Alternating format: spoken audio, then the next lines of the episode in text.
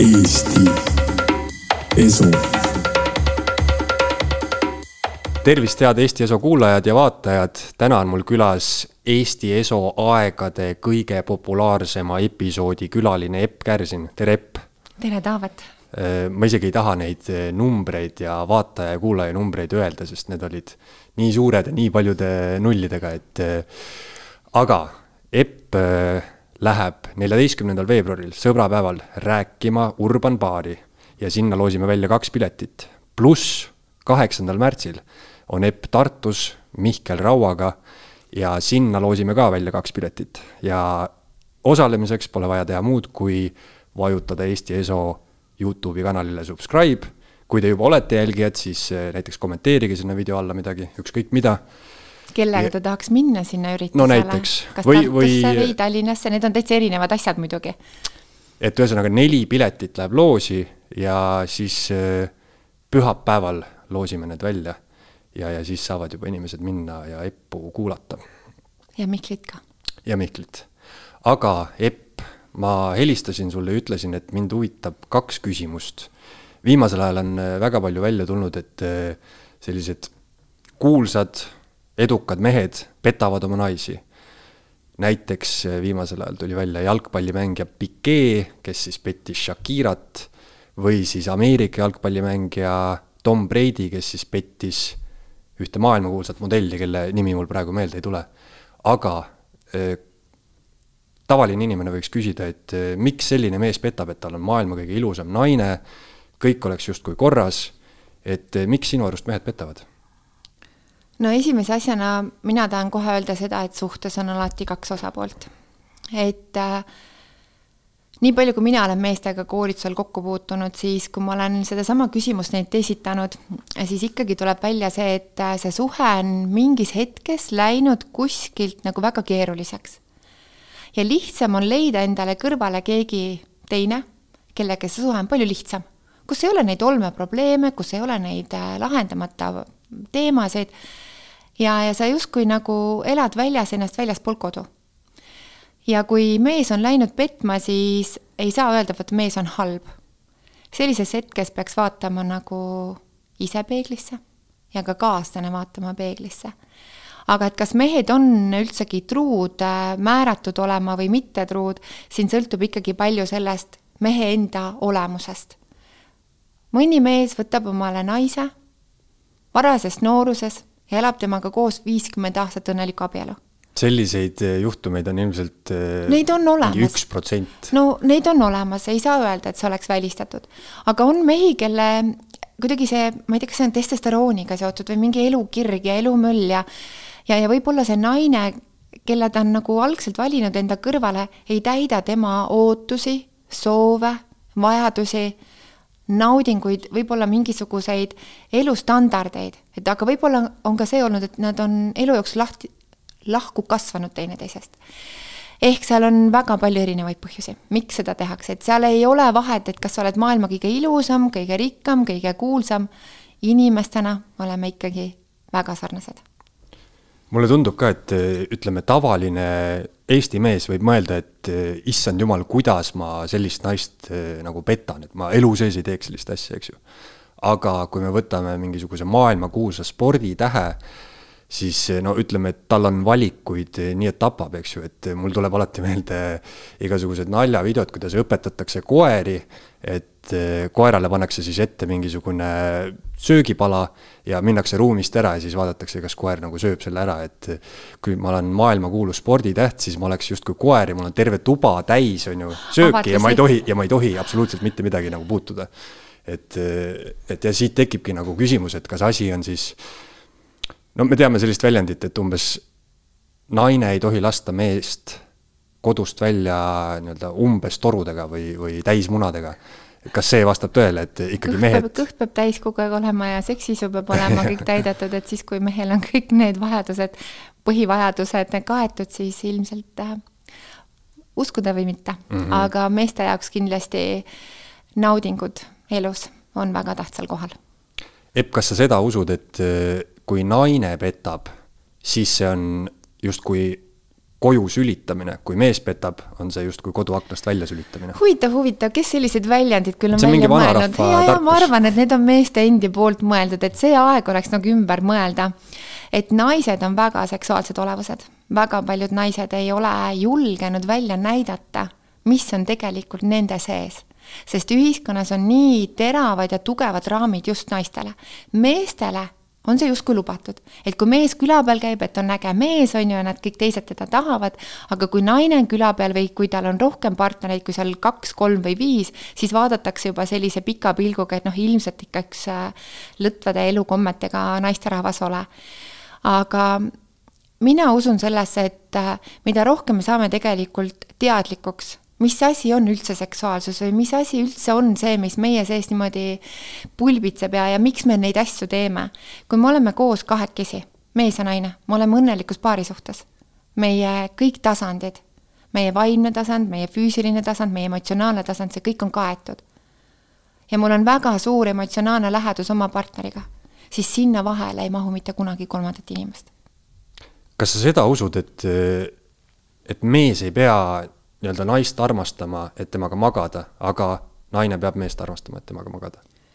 jällegi ütlen, on nii naisi kui mehi, kes võiks öelda, et naise jaoks nagu tunded pole üldse olulised, et ongi ainult füüsiliselt seks ja on mehi, kes ütlevad ei, vot mina ilma tunneteta, emotsionaalse läheduseta seksida ei saa.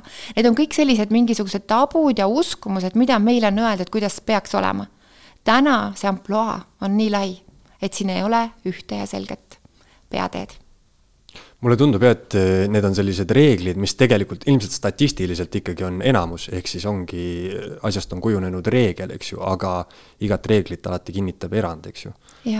et, et alati ei pruugi niimoodi olla. minu et... jaoks on praegu selline hästi võimas, ma näen lihtsalt läbi oma koolituste, naiste ärkamisaeg.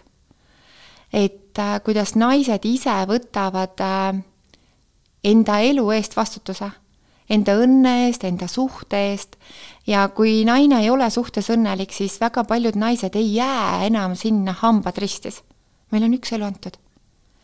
ehk meie maailm peaks olema nii tasakaalus, et me iga päev kogeme sellist vahetut õnne ja, ja vahetut siirust ja, ja, ja hommikul, kui me ärkame oma kaaslase kõrval, siis me tõesti tunneme sellist suurt tänutunnet et meile meeldibki kahekesi koos olla ja päeva lõpuks ei ole ju mitte midagi muud tähtsamat, et see kodu, kuhu sa lähed, seal on see kodutunne ja sind oodatakse.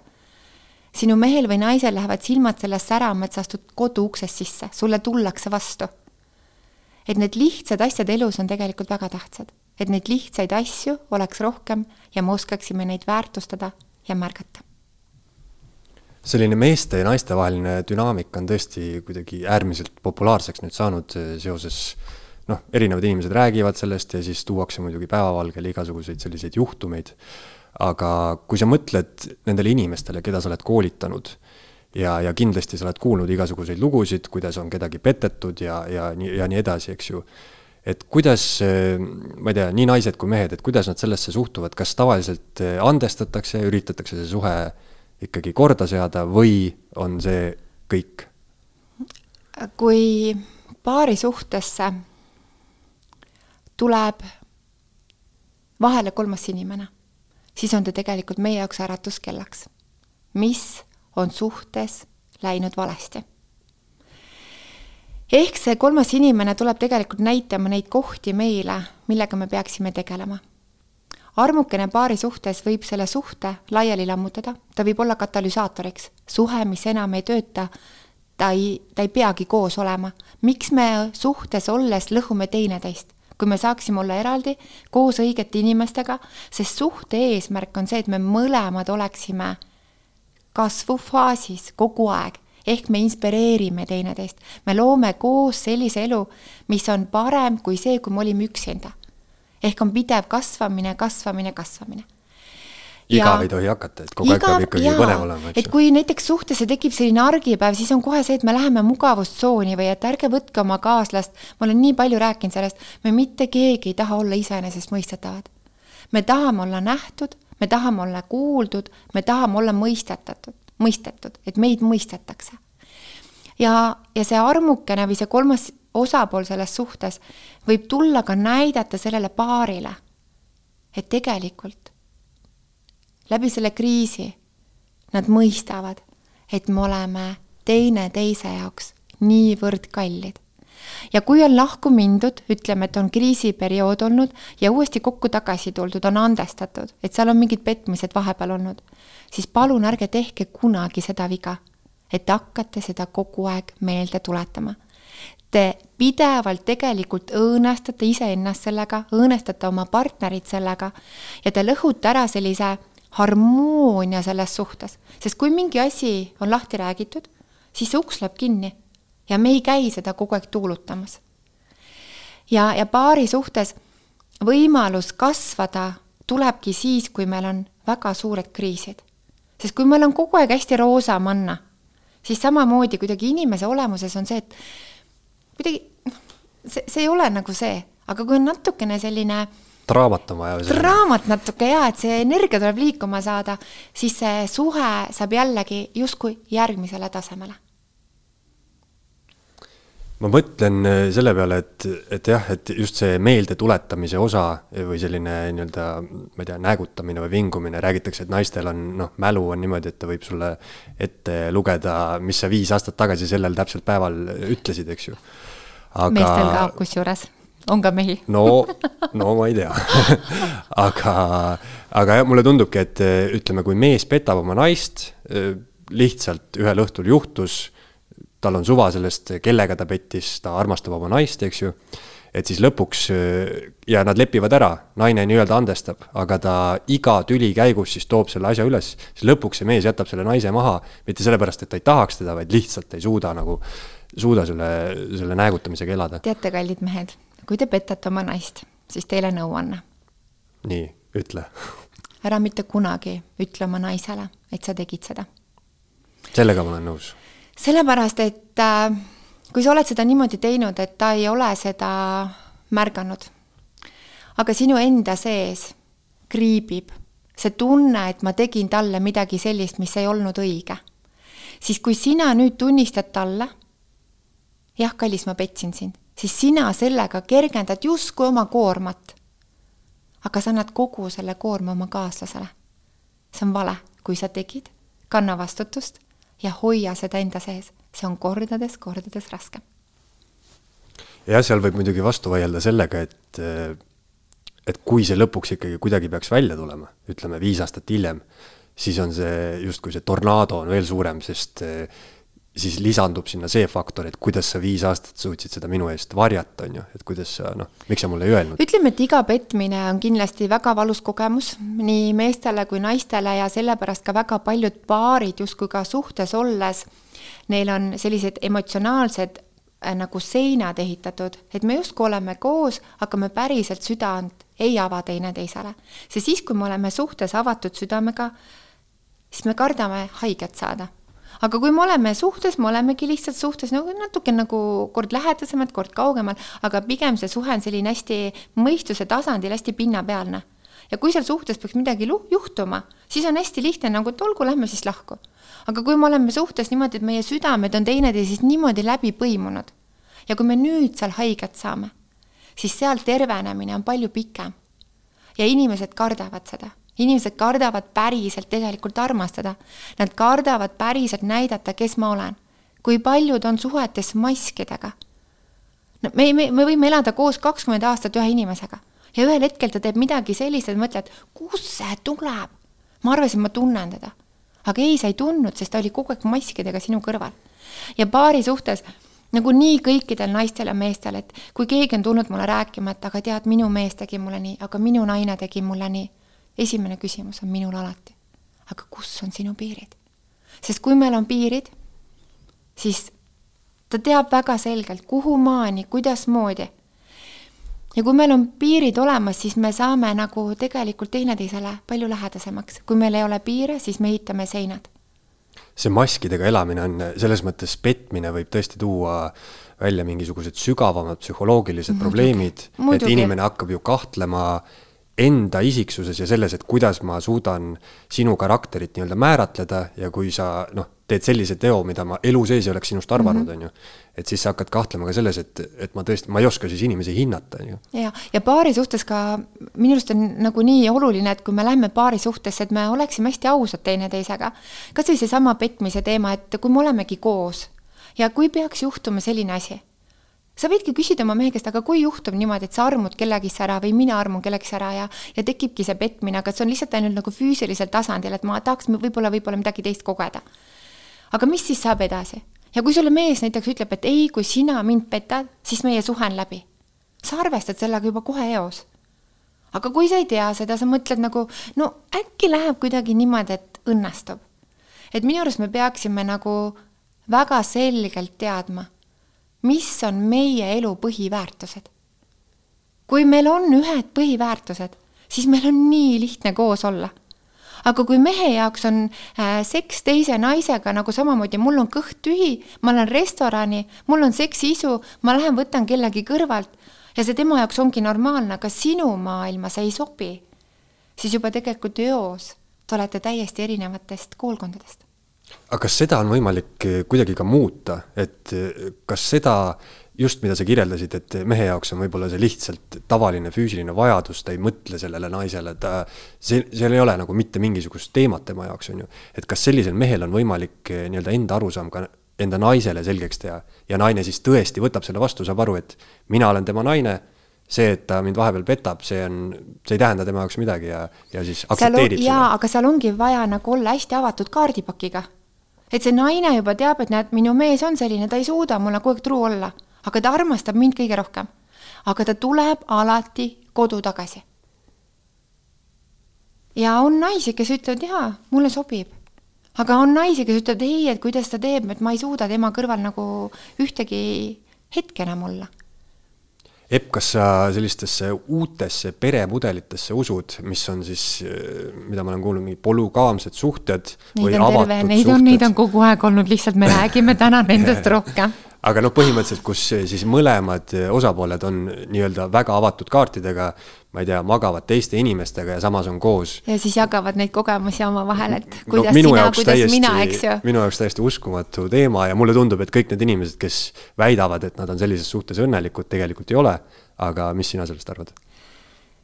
mina ikkagi tahaks uskuda, et äh, kui ta ütleb, et talle see sobib ja ta on õnnelik, et, et ta päriselt ka mõtleb niimoodi. aga võib-olla mõned terapeudid psühholoogid ütlevad vastupidi, et ta kardab lähedust ja ta jagab tegelikult seda mitme inimese vahel. sest et äh, suhtes, mina usun sellesse, et suhtesse sügavus saab tekkida läbi selle, et me läheme koos ja me teeme neid asju koos need äh, mitmiksuhted, et kui mehel on lubatud kõrvalsuhted ja naisel on lubatud kõrvalsuhted, aga meil on koos lapsed ja meil on koos pere ja meil on pangalaen ja meil on suguvõsa ja meil on mingid kohustused. ja kui nad mõlemad ütlevad, et jaa, see sobib meile, palun väga.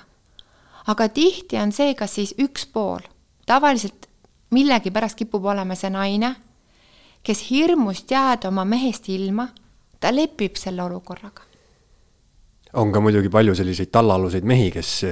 ja võib-olla ka vastupidi, eks ju, et mees ütleb, et no aga kui sa tahad, siis tee, eks ju. aga me ei näe kunagi inimese hinge.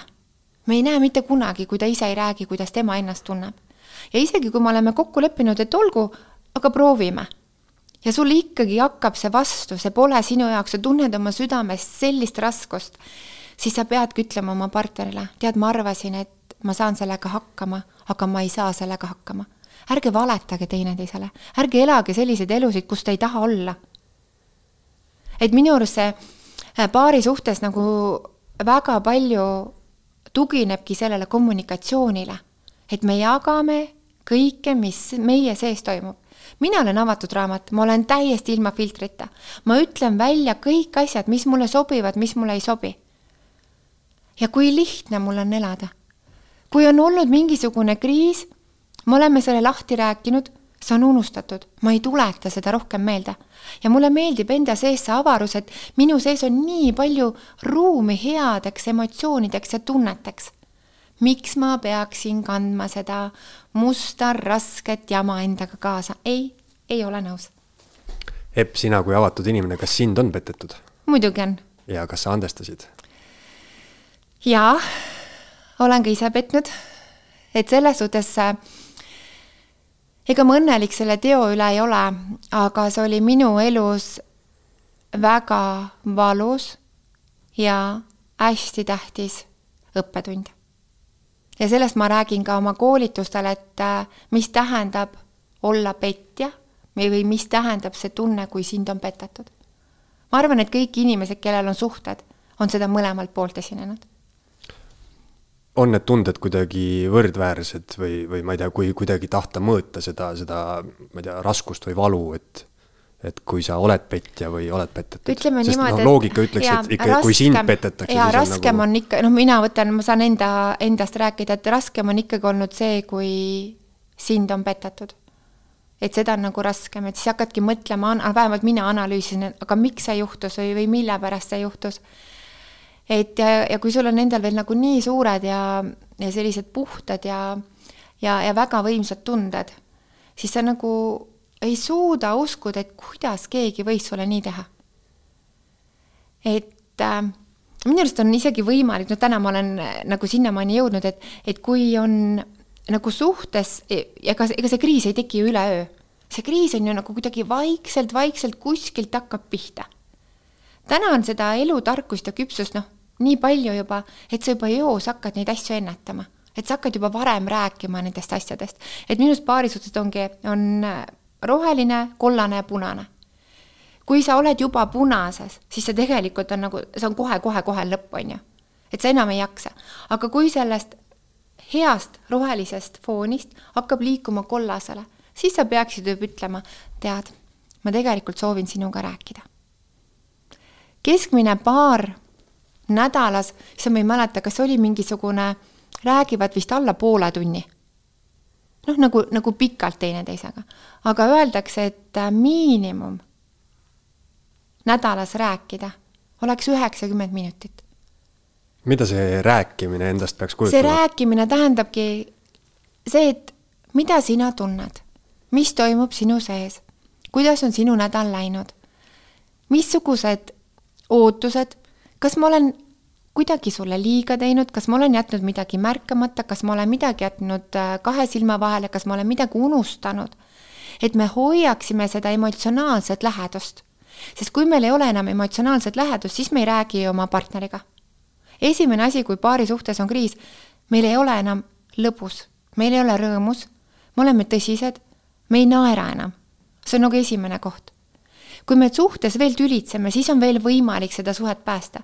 aga kui me oleme suhtes nagu nii üks, ükskõiksed teineteise suhtes, siis see ongi niimoodi, et noh, sul ei lähe enam korda, sul ei liigu mitte ükski emotsioon, mitte ükski närv. aga miks me oleme sellesse kohta jõudnud? sellepärast olemegi, et me ise ei ole selle suhtega tööd teinud. suhtega tuleb kogu aeg tööd teha, iga päev. vaata ennast kõrvalt.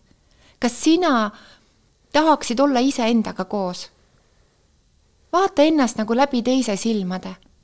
kas sina annad oma partnerile tunda, et ta on alati oodatud, et ta alati on märgatud, et ta alati on kuuldud, et ta on alati vastu võetud ja tingimusteta. me ei oskagi nagu, meid ei ole õpetatud tingimusteta kellegiga koos olema. lapse, lasteaias ka, et ma ei tea, mängisid selle poisiga, kellel kõige ägedam mänguauto, on ju. või, või lasteaeda tuli keegi, kellel oli nii äge pulmanukk, on ju, sa tahtsid temaga sõber olla, muidu ta oli selline kehva iseloomuga, aga tal oli nii äge pulmanukk, on ju. et äh, ma tahaksin öelda seda, et me peaksime saama kontakti iseenda sisemaailmaga, iseenda südametasandiga, unustame ära mõistuse, unustame ära selle ego tasandi. sisekaemust tegema. sisekaemust tegema ja, aga inimesed selles sisekaemuses hästi paljud, nad ei oska kuidagi olla, ei oska olla selles vaikuses. ja minu jaoks näiteks vaikus on just see, kus toimub hästi suur tervenemine, hästi suur arusaamine, kes ma ise olen. ma tulin alles reisilt, ma olin äh, kaheksa päeva, ma pole elus kunagi üksinda reisinud. ja kui mul oli mõte, et ma tahan olla soojal maal päikese käes, siis kolm esimest päeva paistis päike ja neli viimast päeva ainult sadas vihma. Ma olingi oma mõtetega üksinda, ma olingi seal hotellitoas, ma käisin vahepeal trennis ja mul oli märkmik kaasas ja ma kirjutasin ja ma kirjutasin ja ma kirjutasin ja ma kirjutasin ja siis ma saingi aru, miks, miks ma pidin minema sinna üksinda kui palju neid inimesi, kes on nagu vabatahtlikult nõus olema üksinda vaikuses? Neid on väga vähe ja, ja see on üleüldine selline probleem ka, et kui inimene näiteks eh, elab üksinda, siis ta, nii kui ta koju jõuab, ta paneb mängima raadio, teleka, ma ei tea, läheb telefoni, hakkab arvutimänge mängima, isegi lugema, noh, mida iganes. aga see ongi see, et mitte... me, et me vaigistaksime seda, mis tahab meie südamest üles tulla. südame hääl on kõige vaik-, vaiksem hääl mina, mind on alati minu pere, minu sõbrad on alati mõelnud, Epp, kust see sul tuleb, kui ma tahan, nagu ma olen tahtnud kardinaalselt oma mingit elusuunda kuskilt muuta. Ja see, ja see tunne tuleb nii tugevalt minu seest, et ma ei saa sellele vastu.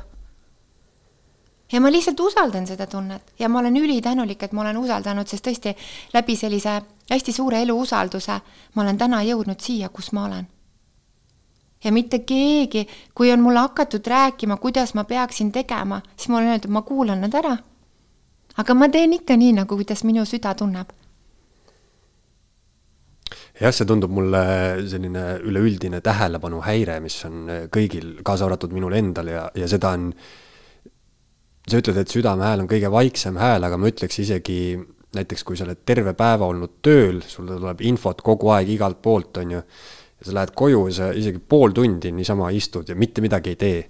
siis sa juba tunned, et ahah, et mul hakkab mingisugune protsess hakkab peas käima, et mul ei tulegi kuskilt midagi peale, on ju. Et, et jah, isegi poolest tunnist piisab, lihtsalt istuge niisama ja, ja mõelge järele. ja isegi alguses pool tundi on liiga palju, see võib Võib olla ka tõesti, viis minutit, kümme minutit, et sa suudaksid olla vaikuses. sest minul on kõige võimsamad loomisprotsessid on olnud alati vaikuses. see on nagu nii huvitav ja sa pead oma ellu ruumi tegema. et mina olen jõudnud sellesse kohta, kus, kus mul on nagu see minu sõprade sõpruskonnas, sul on nagu mingid kindlad kohad. Need kohad on kõik täidetud, mul ei mahugi võtta siia uusi inimesi juurde lihtsalt sellepärast, et et ma tahan, et need vähesed sõbrad, kes mul on, et mul oleks, kui nad mind vajavad, et mul oleks kogu tähelepanu olemas. et ma saaksin jagada neile seda osa mida nemad vajavad ja ka vastupidi, et noh, kõik on ju energiavahetus. Ja paari suhtes ka, et kui me mõtleme oma paarisuhet või kui me mõtleme oma tööd või me mõtleme oma vaba aega, siis see kõik peaks olema tasakaalus. aga kas see on tasakaalus? enamus inimesed hästi palju panustavad äh, tööle, siis ollakse hästi palju telefonis, sots-, äh, sotsiaalmeedias on ju, Instagramis on tohutult ilus äh, luksuslik elu aga tegelikult selle ilusa luksusliku elu taga võivad olla hoopis ahelvaremad. ehk me nagu ehitame mingisuguse fassaadi, aga selle taga me oleme tühjad ja õnnetud, kurvad ja üksikud. rääkides Instagramist, siis ma kuulsin või lugesin või kuskilt ma nägin sellist asja, et no selline teooria, et mida rohkem paarid postitavad Instagrami üksteisest niimoodi rõõmsaid pilte, seda õnnetumad nad tegelikult on. et kõige õnnelikumad ei postita mitte midagi. jaa, sest neil on, neil ei ole vaja maailmale mm -hmm. näidata. ja juba see, kui mees nagu iga naise postituse alla kirjutab, sa oled kõige ilusam, mina armastan sind, siis sa juba saad aru, et varsti, varsti, varsti on seal mingisugune mm, päris korralik kriis tulemas. et püüdke oma elu elada mitte teistele, vaid elage iseendale ja iseenda pärast Te ei pea mitte kunagi kellelegi midagi tõestama. kui sa oma olemuses tead, et sa oled väärtuslik ja sa eladki nagu nii ägedat elu, siis miks sa pead neid pilte sinna tegema? miks sa pead postitama? et mina olen sotsiaalmeedias hästi passiivne. ma tahaksin nagu eh, vahepeal noh, midagi jagada, ma teen seda üliharva aga ma saan aru, et paljude jaoks see sotsiaalmeedia, see ongi nagu kogu elu, sa hommikul ärkad, vaatad kellegi story sid, noh, mida ta sööb, kuhu ta läheb, no terve päev on sul seal. et äh, minul ei ole sellist aega. mul lihtsalt ei ole sellist aega. kui sa enne rääkisid inimeste iseloomust ja sellest kommunikatsioonist just, kas inimesed on võimelised õppima sinu arust, et ütleme, kui ma olengi sellise karakteriga inimene, et äh, näiteks kui miski mind häirib minu naise juures, siis äh, ma ei ütle talle seda kohe välja, ma olen justkui passiiv-agressiivne, on ju mm. -hmm. ja, ja ma ei ütle seda välja, vaid kuidagi kahtlaselt elan siis selle välja aja jooksul. ja, ja kui sa rääkisid sellest kommunikatsioonist, et üheksakümmend minutit võiks rääkida iga nädal, on ju. et kas nagu on võimalik, ma ei tea, kas sellel naisel on võimalik mulle selgeks teha, et kui sind miski häirib, siis ütle mulle. Aga, aga näiteks see ei ole absoluutselt minu loomuses, ma ei ole harjunud sellega. ma ei tea, kas ma peaks nagu enda karakteri kuidagi täiesti ümber mängima siis või me teeme, nagu sa ütlesid, iganädalase koosoleku, kus ma loen ette, sa tegid esmaspäeval seda, teisipäeval seda. et äh, inimesed on erinevad. et äh, mina tahaksin ikkagi, et inimesed leiaksid oma kõrvale sellise kaaslase, keda ta ei tahaks muuta et pigem on see ikkagi niisugune sobivuse värk? jaa, see on sobivus, sellepärast et ma võin ju öelda oma mehele, et tead, et mulle ei meeldi, kui sa sööd niimoodi, et see, ma ei tea, toit lendab minu pudrukaussi või et mulle ei meeldi see, kui sul on äh, küüned lõikamata või mulle ei meeldi see, et sa käid kogu aeg, et äh, pea on tohutu, noh, ütleme, et sa oled ikkagi nagu sa ei hoolitse enda eest, vaid ma ei tea, ära käi nende jalanõudega või ära pane seda selga, siis mees võib võtta mingiks ajaks ennast kokku. ta võib võtta ennast kokku, aga kui see pole tema põhiolemuses siis tal on nii ebamugav, sest ta on surutud kuskile raamidesse, kus talle tegelikult ei meeldi olla. aga võib olla ka vastupidi, et mees, võib-olla keegi kunagi ei ole pööranud tähelepanu nendele asjadele. ta on võtnud neid nagu, noh, ma ei tea, see olengi mina või see pole üldse oluline. sest naised ikkagi väga palju kujundavad ju oma mehi ja samamoodi ka mehed kujundavad väga palju oma naisi. ja nüüd ongi see, et, et kui plastilised me selles paari suhtes oleme, kui me soovime muutuda ja see muutuse soov tuleb meie enda seest, siis me sulandume. aga kui see tuleb välisest survest, et sa pead olema selline, selline, selline, aga sinu enda sees on selline, siis sa võid hambad risti need asjad ära teha mõneks ajaks, aga mitte kauaks sellest karakteri jutust ma tahaks jõuda selle teooriani, millest hästi palju räägitakse, on mingisugused armastuse keeled. ja, ja ma ei tea, kas ma sellesse teooriasse väga usun, aga, aga noh, loetletakse siis, kes noh, nagu vanarahva tarkus ütleb, et mehed armastavad kõhu kaudu, naised kõrvade kaudu. aga kas, ma ei tea, kuidas, kuidas on võimalik määratleda inimese armastuse keelt ja seal on neid variante on minu arust. ja seal olid kingitused mitu..., puudutused, teenimiskunst on ju.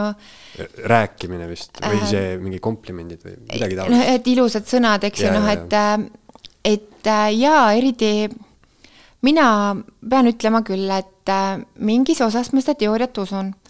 sellepärast, et äh, mina olen hästi suur puudutaja, mina olen hästi suur kallistaja, mina vajan hästi palju lähedust.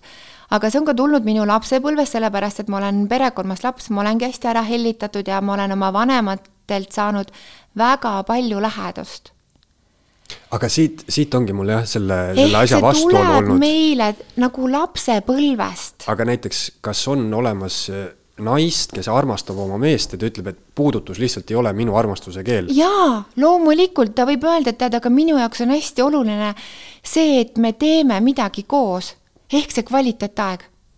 ja siis ta tunneb, et mees teda armastab, et mees tuleb temaga koos kaasa shoppingule. aga puudutada ei tohi aga näiteks puudutada ei tohi ja, ja, ja., aga need ongi sellised asjad, aga millele tasuks ka nagu mõelda, meie armastuse keel elu jooksul võib muutuda näiteks me oleme ühe partneriga koos, ta ei oskagi meid kallistada või ta ei oskagi meid suudelda või ta puudutab kuidagi hästi robustselt ja mul on valus ja ebamugav. siis ma ütlen ei, ei, puudutus pole minu jaoks. ja siis tuleb mõni mees või naine sinu ellu, kes teeb seda lihtsalt nagu nii imeliselt, oskab sind niimoodi puudutada, et sa tunned, et sul lihtsalt jalad tõusevad maast, et sa, et sa lihtsalt justkui oled üks koos temaga ja siis ongi, et vau, aga näed, kuidas niimoodi saab olla. mis on hästi huvitav, mulle meeldib see inimese erootiline plaan, et see erotic blueprint on ju. see on nii huvitav teada, et missugune on sinu partneri erootiline plaan. et mis, mis teda, mis teda erutab, on ju et kas sa oled nagu seksuaalne tüüp, kas sa oled erootiline tüüp, on ju, kas sa oled segutüüp, kas sa oled kinki tüüp ja seal on samamoodi. aga mis on näiteks seksuaalsuse ja erootilisuse noh, erootiline on, on selline, et ta vajabki ette sinna sellist nagu malbust ja, ja kuidagi võib-olla luuletuste lugemist ja siis läbi selle mingi tõrna puudutust, eks ju. seksuaalne tüüp on see, et ta tahabki kohe, et sa nagu tuled ja sa võtad teda ja sa kohe nagu ligined talle pigem nagu võib-olla intensiivsemalt ja väga julgelt. erootiline on selline nagu, nagu vaikselt-vaikselt hakkab alles see nagu üles nagu kerima sinu sees ja siis meil inimestel on ka olemas nagu sinu seksuaalset erutust, mis tekitavad juurde, ehk selline nagu, mis annavad sulle hoogu või need, mis sind pidurdavad. näiteks mõne naise jaoks võib olla selline, et ta on juba jõudnud oma partneriga kuskile nagu nii mõnusasse kohta ja siis ta vaatab, et mehel on varbaküüned lõikamata. no täielik pidur, tal on täiesti null ja mees ei saa aru, mis juhtus, on ju või on näiteks mehel niimoodi, et talle meeldib see naine ja ta on nagu nii äge ja siis ma ei tea, naine lihtsalt pole näiteks nagu duši all käinud. No täielik nagu. ehk, ehk needsamad, need meie gaasid ja need pidurid, mis meid nagu seksuaalses plaanis kas siis toetavad või siis vastupidi pidurdavad. Need on ka need asjad, mida me peaksime omavahel lahti rääkima ja näiteks mõni naine ütleb, tead, minu jaoks kallis on nagu lihtsalt nii erutav, sul on teksapüksid jalas ja valge pluus, et kui sa niimoodi töölt koju tuled, ma tahaksin kohe sind ukse pealt võtta, onju. Või et naine ütleb mehele, tead, et kui sa vot need kingad jalga paned ja need on mingid vanamehe kingad, et kurat, nagu need üldse mind käima ei tõmba. aga see ongi see, et võib-olla noh, avatud paarides me julgeme neid asju rääkida ja me nagu aitame teineteisel jõuda sellesse punkti, kus me nagu, meie iha teineteise vastu on suur ja kui me ei julge, siis mees või naine ei saa aru, et mida ma tegin, et nagu oli midagi ja siis enam äkki ei olnud. Sellest äh, ma järeldaks seda, et ma rohkem usun siis sellesse seksuaalsesse keelde kui armastuse keelde, sest nagu sa ütlesid, et mulle tundubki, et kui inimene väidab, et puudutus ei ole minu teema, tuleb õige inimene, puudutab teda õigesti, järsku on puudutus tema teema, on ju.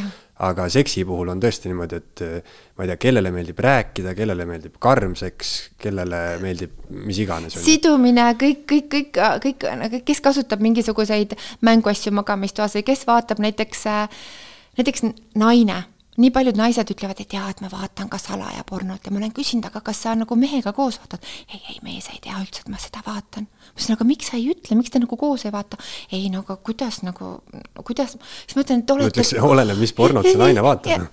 jah, et äh, aga, aga see võib olla ka näiteks naisel ongi mingisugune selline seksuaalfantaasia, et ta vaatab seda pornot ja see tõmbab teda niimoodi käima näiteks ta, ta teab, et mees tuleb poole tunni pärast koju, ta on vaadanud seda pornot, mees tuleb ukse pealt, naine on juba valmis. aga järgmisel hetkel mees tuleb niimoodi koju, et naine ei tea, siis mees mõtleb, aga mis juhtus, miks, miks sa mind täna ei taha, on ju. ehk me peaksime suhtes olema julgema olla ausad. ja mina tunnistan või ma usun ja ma näen seda läbi oma koolituste, kas me tahame seda või mitte, aga üks hea ja õnnelik paarisuhe mõjutab meid läbi elu kõige rohkem. meie vaimset tervist, meie füüsilist tervist ja ka meie edukust tööl ja karjääriredelil. see on tõsi, kui paari suhtes ikkagi mädaneb, siis Muidugi. igal pool mujal on ka halvasti. täpselt, sest mm -hmm. magamistuba näitab ära meil suhte kvaliteeti kõikidel tasanditel. ja mida me rohkem teineteisega tunneme, et me oleme ühel lainel, mida rohkem me tunneme seda seda peavad tundma ka mehed ja naised, ega, ega meeste jaoks on ka oluline see, see tunne, mida naine temast tekitab. mehed on nii õrnad, mehed tahavad samamoodi sellist lähedust ja rääkimist ja samamoodi häälestust. mees ei saa, kui ta tuleb töölt, ta on kolm pikka koosolekut pidanud, tal on nii raske päev olnud. naine näiteks on kodune, ta tööl ei käi, mees võimaldab ilusa elu, naine võib-olla tahaks kohe, aga mees, näed aga ma ei, ma ei saa praegu, ma ei saa häälestada, et ma, ma ei saa ennast sundida selleks. ja siis naine, kui nad ei räägi omavahel, siis naine tunneb, tal on vist keegi teine. näed, ta tuleb, ma pole teda hommikust peale näinud. ma olen ilusas sekspesus, aga näed, ta ei taha mind. aga mees ei ütle talle, kallis, et ma olen nii väsinud, ma lihtsalt täna ei jaksa.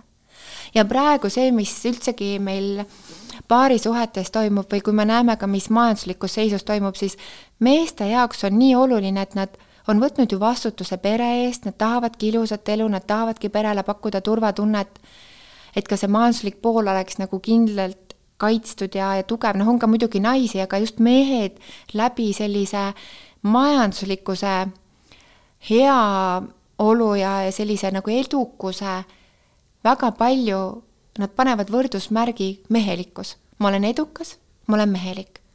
mu ettevõte teenib miinust, ka minu mehelikkus ilmselt ei ole enam sellises kohas.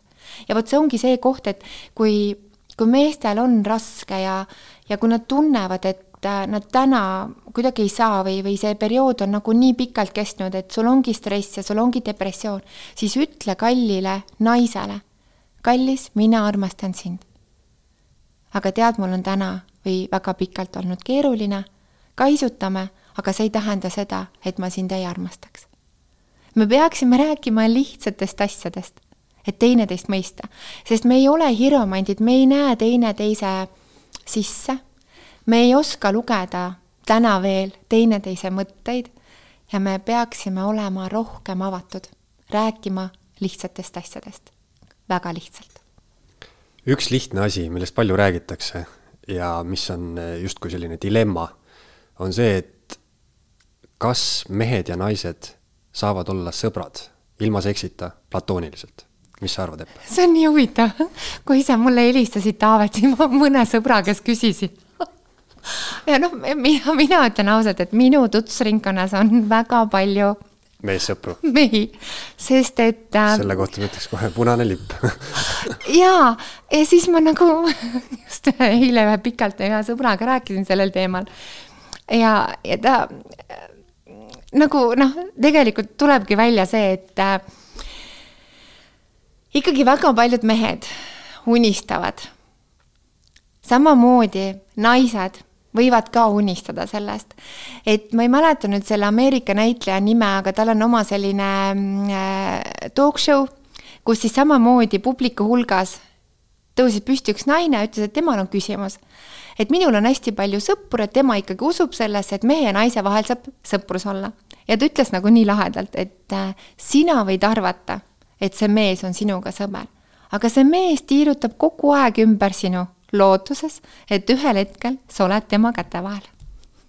see on jah, mina sellesse justkui väga ei usu, muidugi igal reeglil on jälle erandid, nagu me yeah. mainisime, aga see sõltub siis sellest, et kuidas defineerida sõprust. Ja kui me defineerime seda sõprust kui täiesti ausat ja avatud suhet, siis vallalise mehe ja vallalise naise vahel ei ole see niisugune asi võimalik, sest kui mees tahab seda naist, siis see ei ole justkui aus, kuigi ta võib-olla ei ütle seda iga päev aga, välja jaa, aga, see sõprus võib olla ka niimoodi, et äh, naine on vallaline ja mees on vallaline, neil on omavahel sõprus, nad äh, koos ei ole.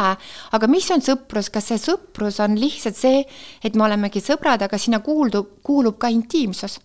võib-olla nad ongi omavahel kokku leppinud, et niikaua, kui sul ei ole kedagi, niikaua, kui mul ei ole kedagi, nii kaua me jagame teineteisele. päriselus sihuke asi ei toimi et äh, selliseid lugusid ja elusid on olemas. No ma usun sind. jah.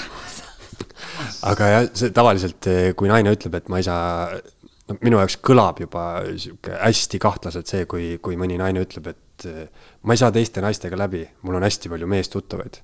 minu jaoks on see jutt haram.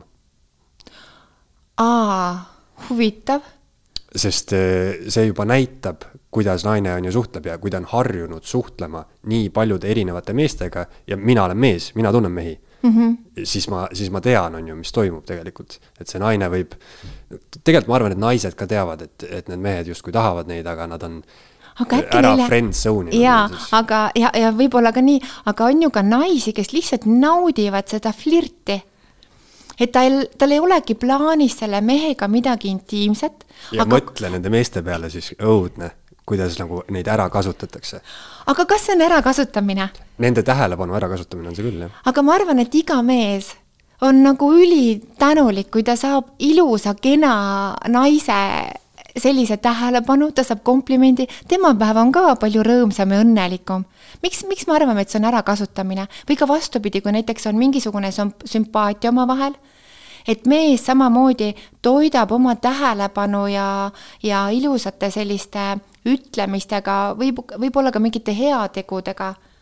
et ma ei, ma ei näe, et seal oleks nagu selline ärakasutamine, pigem peab olema selline lahti räägitud, jällegi hästi selgelt et keegi ei tunneks, et talle tehakse liiga või teda kasutatakse ära.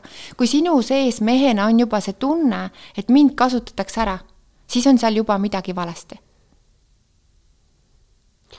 Selle peale on ka alati üks hea ütlus, et eh, eriti rääkides natukene vanemate inimestega, siis eh, sa küsid, eh, ütleme, et see naine, kes ütleb mulle, et mul on hästi palju meestuttavaid, siis ma küsin ta käest, et kui palju su emal on meessõpru tavaliselt on see oh, null. et äh.... et see ei ole lihtsalt, see on nagu mingi uue aja teema, et see ei ole niimoodi toiminud, et et ma ei tea, et minu ema on abielus minu isaga ja siis ta lihtsalt ühel pühapäeval läheb välja oma meessõbraga kohvikusse, see on täiesti nagu ennekuulmatu, mingisugune mõnikümmend aastat tagasi. ja, ja seda kindlasti, aga ma arvan, etki need äh, sellised jäigad mingisugused suhtemustrid või üldsegi suhted ongi hästi palju muutunud. et äh, mina ei kujutaks ette, et äh, mina piiraksin meest ja ütleksin, tead, et äh, näiteks tema mingi vana armastatu või, või tema vana koolikaaslane või keegi, kellega ta on ühes äh, kursusel kunagi õppinud, et ma keelaksin, vot sina temaga kokku saada ei tohi. et minu arust suhte, suhtes peab olema vabadus ja hästi suur usaldus. et ilma vabaduseta ja usalduseta see suhe ei saa toimida ja paratamatult me vajame väljastpoolt teist energiat. Näiteks kas või see, et miks naised käivad klubis tantsimas. paljud mehed ei luba, ütled, mida sa lähed, on ju. ta läheb, ta tantsib teised mehed vaatavad, ta tunneb ennast mm,, ma olen nii ihaldusväärne, teised ka tahavad mind. ta läheb koju, ta on nii seksuaalselt laetud, et ta võtab oma mehe nii, nagu juba ei ole juhtunud mitu kuud sest lapsed, väiksed on kodus olnud, ta on väsinud, ta on kurnatud olnud, aga ta saab selle tähelepanu energialaengu. ja samamoodi, ega kui naised tulevad klubisse, ega nad ei lähe mehi petma sinna. minu maan, ei, ma ei ütleks, et juhtub, minul ei ole mitte kunagi olnud ühtegi öösuhet ja mitte kunagi ei ole mitte midagi juhtunud. lihtsalt sellepärast, et, et midagi nagu juhtuks, ma nagu kontrollin oma elu. ja ka meestel on samamoodi, et naised, et usaldage oma mehi Nad peavad käima aeg-ajalt väljas teiste meestega, samamoodi. sellepärast, et mehed koos, see meesenergia, mis nad loovad, samamoodi nad sealt saavad tähelepanu, las nad flirdivad. see ei tähenda see, et ta läheks selle flirtiva naisega esimesel võimalusel kuskile. kui sina teda usaldad, siis mees sellest suurest usaldusest austusest sinu vastu, ta ei tee neid asju. aga kui sa teda nagunii kahtlustad, sa tulid nii vara, hommikul vara alles koju, on ju, alles pool kuus jõudsid koju, miks sa kohe peale kolme ei tulnud? ja kui sa nagu pidevalt oma meest, jaa, et sa, et sa pidevalt niimoodi oma meest töötled, siis ongi mehi, kes ütlevad, aga kui ta nagunii ütleb mulle, et ma neid asju teen, las mm -hmm. ma mhm. siis saan juba asja eest mm. -hmm ühesõnaga jah, jõuame kokkuleppele, et eh, kõik sõltub meeste ja naiste vahelisest sõprusest siis sellest, kuidas, eh, kuidas piirid. defineerida sõprust. ja täpselt, kuidas defineerida sõprust ja kuidas on need piirid omavahel kokku lepitud. minul on Tartus üks lapsepõlvesõber, kellega me oleme koos olnud kolmandast eluaastast saadik, ta on tõesti, ma olen täna, me oleme juba nelikümmend aastat sõbrad olnud. ja meie vahel ei ole olnud mitte midagi sellist intiimset. ja see on nii huvitav, kuidas teised ümberringi arvavad, ja siis ma olengi öelnud niimoodi, et aga kuidas teie saate arvata, noh nüüd enam ei ole mitte, et ma olen Tartust ära kolinud, aga siis, kui ma Tartus elasin, et saab olla küll sellist väga erilist sõprust, aga neid sõpru saab olla väga vähe.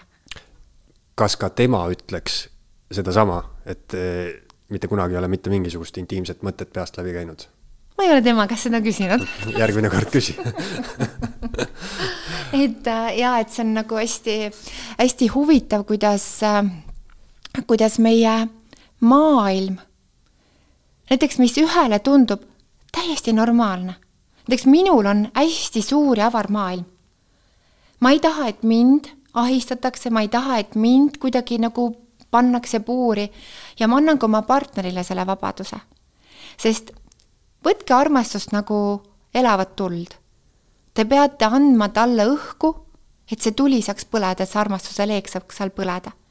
kui me paneme sellele ilusale tulele mingi klaaskupli peale, see on ainult meie oma. ainult mina tohin seda vaadata, teie pöörake oma silmad ära, siis see leek lihtsalt kustub ära, sest ta ei saa hapnikku peale. ja paari suhtes peaks olema täpselt samamoodi. Meil peavad olema selged piirid, meil peab olema julgus välja öelda, mida me päriselt soovime, mida me päriselt tunneme, mida me päriselt mõtleme. ja öelge alati hästi ehedalt ja hästi ausalt. ärge arvake, et teine mõistab teid nii, nagu sina ise ei mõista temal on oma sisemaailm, tema tõlgendab asju läbi oma sisemaailma. nii et rääkige rohkem. Ja kui teil on tunne, et teil on liiga tehtud, siis ütledki, see on minu tunne, anna mulle võimalus, ma selgitan sulle, miks see tunne tuli minu sisse. ja kui sa hakkad niimoodi ennast analüüsima, kui lihtsaks lähevad paarisuhted? Sinu jutuga tuleb mulle meelde selline hea võrdluslugu, et mees läheb äh, läheb järve äärde, püüab kala, püüab ühe kala välja ja, ja siis see kala, kes tal on kõrval, ütleb talle järsku, et viska nüüd see õng ära. kui võrrelda mehi ja naisi, et mis, mis kalamees siis temast veel on. aga räägime lõpetuseks natuke ka sinu avalikest esinemistest, et eh, see, mis tuleb neljateistkümnendal veebruaril, sa ütlesid mulle, et sa lähed lavale ja hakkad rääkima. ja ma olen seal täitsa üksinda, see on Urban baaris ja ma olen nüüd vist juba äkki see on nüüd juba kolmas kord, kui ma seal olen. Ja kui ma alustasin, see on täiesti uus asi, see tuli alles eelmine aasta mul välja, kui ma selle ütleme nii-öelda nagu ära vormistasin, et see on äh, seks ja naudingud, meie elu imelisem pool, kus ma hästi ehedalt ja ausalt tõmbangi magamistoast eesriide ära ja räägingi sellest, kuidas mehed kuidas naised ja kui sa sellest õhtust ära lähed tund aega hiljem, siis sa oled palju teadlikum, palju targem, palju julgem ja sa saad sellest õhtust kaasa nii suure enesekindluse, et ka kodus kindlasti toimub väga suur muutus. et ilmselt sa lähed sealt õhtult kohe koju seksima jaa, see seksuaalenergia saab kindlasti vägagi laetud olema. ja teine siis, mida me teeme koos Mihkel Rauaga, on Kuhu kaob armastus, seda me eelmine aasta alustasime kevadel. Ja, ja see on ka samuti väga äge projekt, sellepärast et Mihkel lavapartnerina on superäge ja see tema tarkus ja see tema eluküpsus ja tema julgus, kuidas Mihkel avab ennast. kui on inimesi, kes teavad teda võib-olla läbi kuskilt superstaari väga karmi kohtunikuna, kus ta on võtnud selle rolli ja milline Mihkel on nagu päriselt, kui äge mees ja, ja kui, kui mõnusasti meil selline sünergia seal lava peal tekib, ehk see poolteist tundi me lahkamegi meestest, naistest, lastest, petmisest, räägime tutvumisportaalidest, me räägime ühesõnaga nagu peensusteni kõigest. ja, ja iga kord see vestlusõhtu on erilisem, kui oli eelmine kord, sest need teemad, meil ei ole kokku lepitud täpselt, mida, kuismoodi, mingi asi hakkab hargnema ja see hargneb ja hargneb ja hargneb. nii et Mihkel Raua ja minu vestlusõhtule pileteid saab osta minu koduleheküljelt eppkarsin.com, nii nagu kõikidele koolitustelegi sealt, ja piletilevist saab osta siis Urban baari vestlusõhtule, kus ma olen siis üksinda ja kes tahab tasuta minna, siis jälgige Eesti Esot ja loosime välja mõlemale üritusele siis kaks piletit ja pühapäeval selguvad võitjad ma kuulutan nad välja enda Instagramis ja saadan Epule kindlasti ka nimed, et, et siis saate sisse, sisse. aga selles mõttes eh, huvitav jah, et eh, ilmselt sa sõna-sõnalt ei tea siis, mida sa laval rääkima hakkad, et see on natuke selline loomisprotsess. see on ja, hästi ja..., see, kuna ma, mina tajun inimesi, need, need lood alati, mida ma hakkan laval rääkima, sõltub publikust. et see kuidagi, see info tuleb läbi publiku ja ma tõstatangi vastavalt üles need teemad, mis on just selleks õhtuks kõige olulisemad ja vajalikumad. väga tore, Epp, aga suur aitäh sulle, et tulid ja jälle rääkisid minuga. aitäh, Taavet. Eesti Esu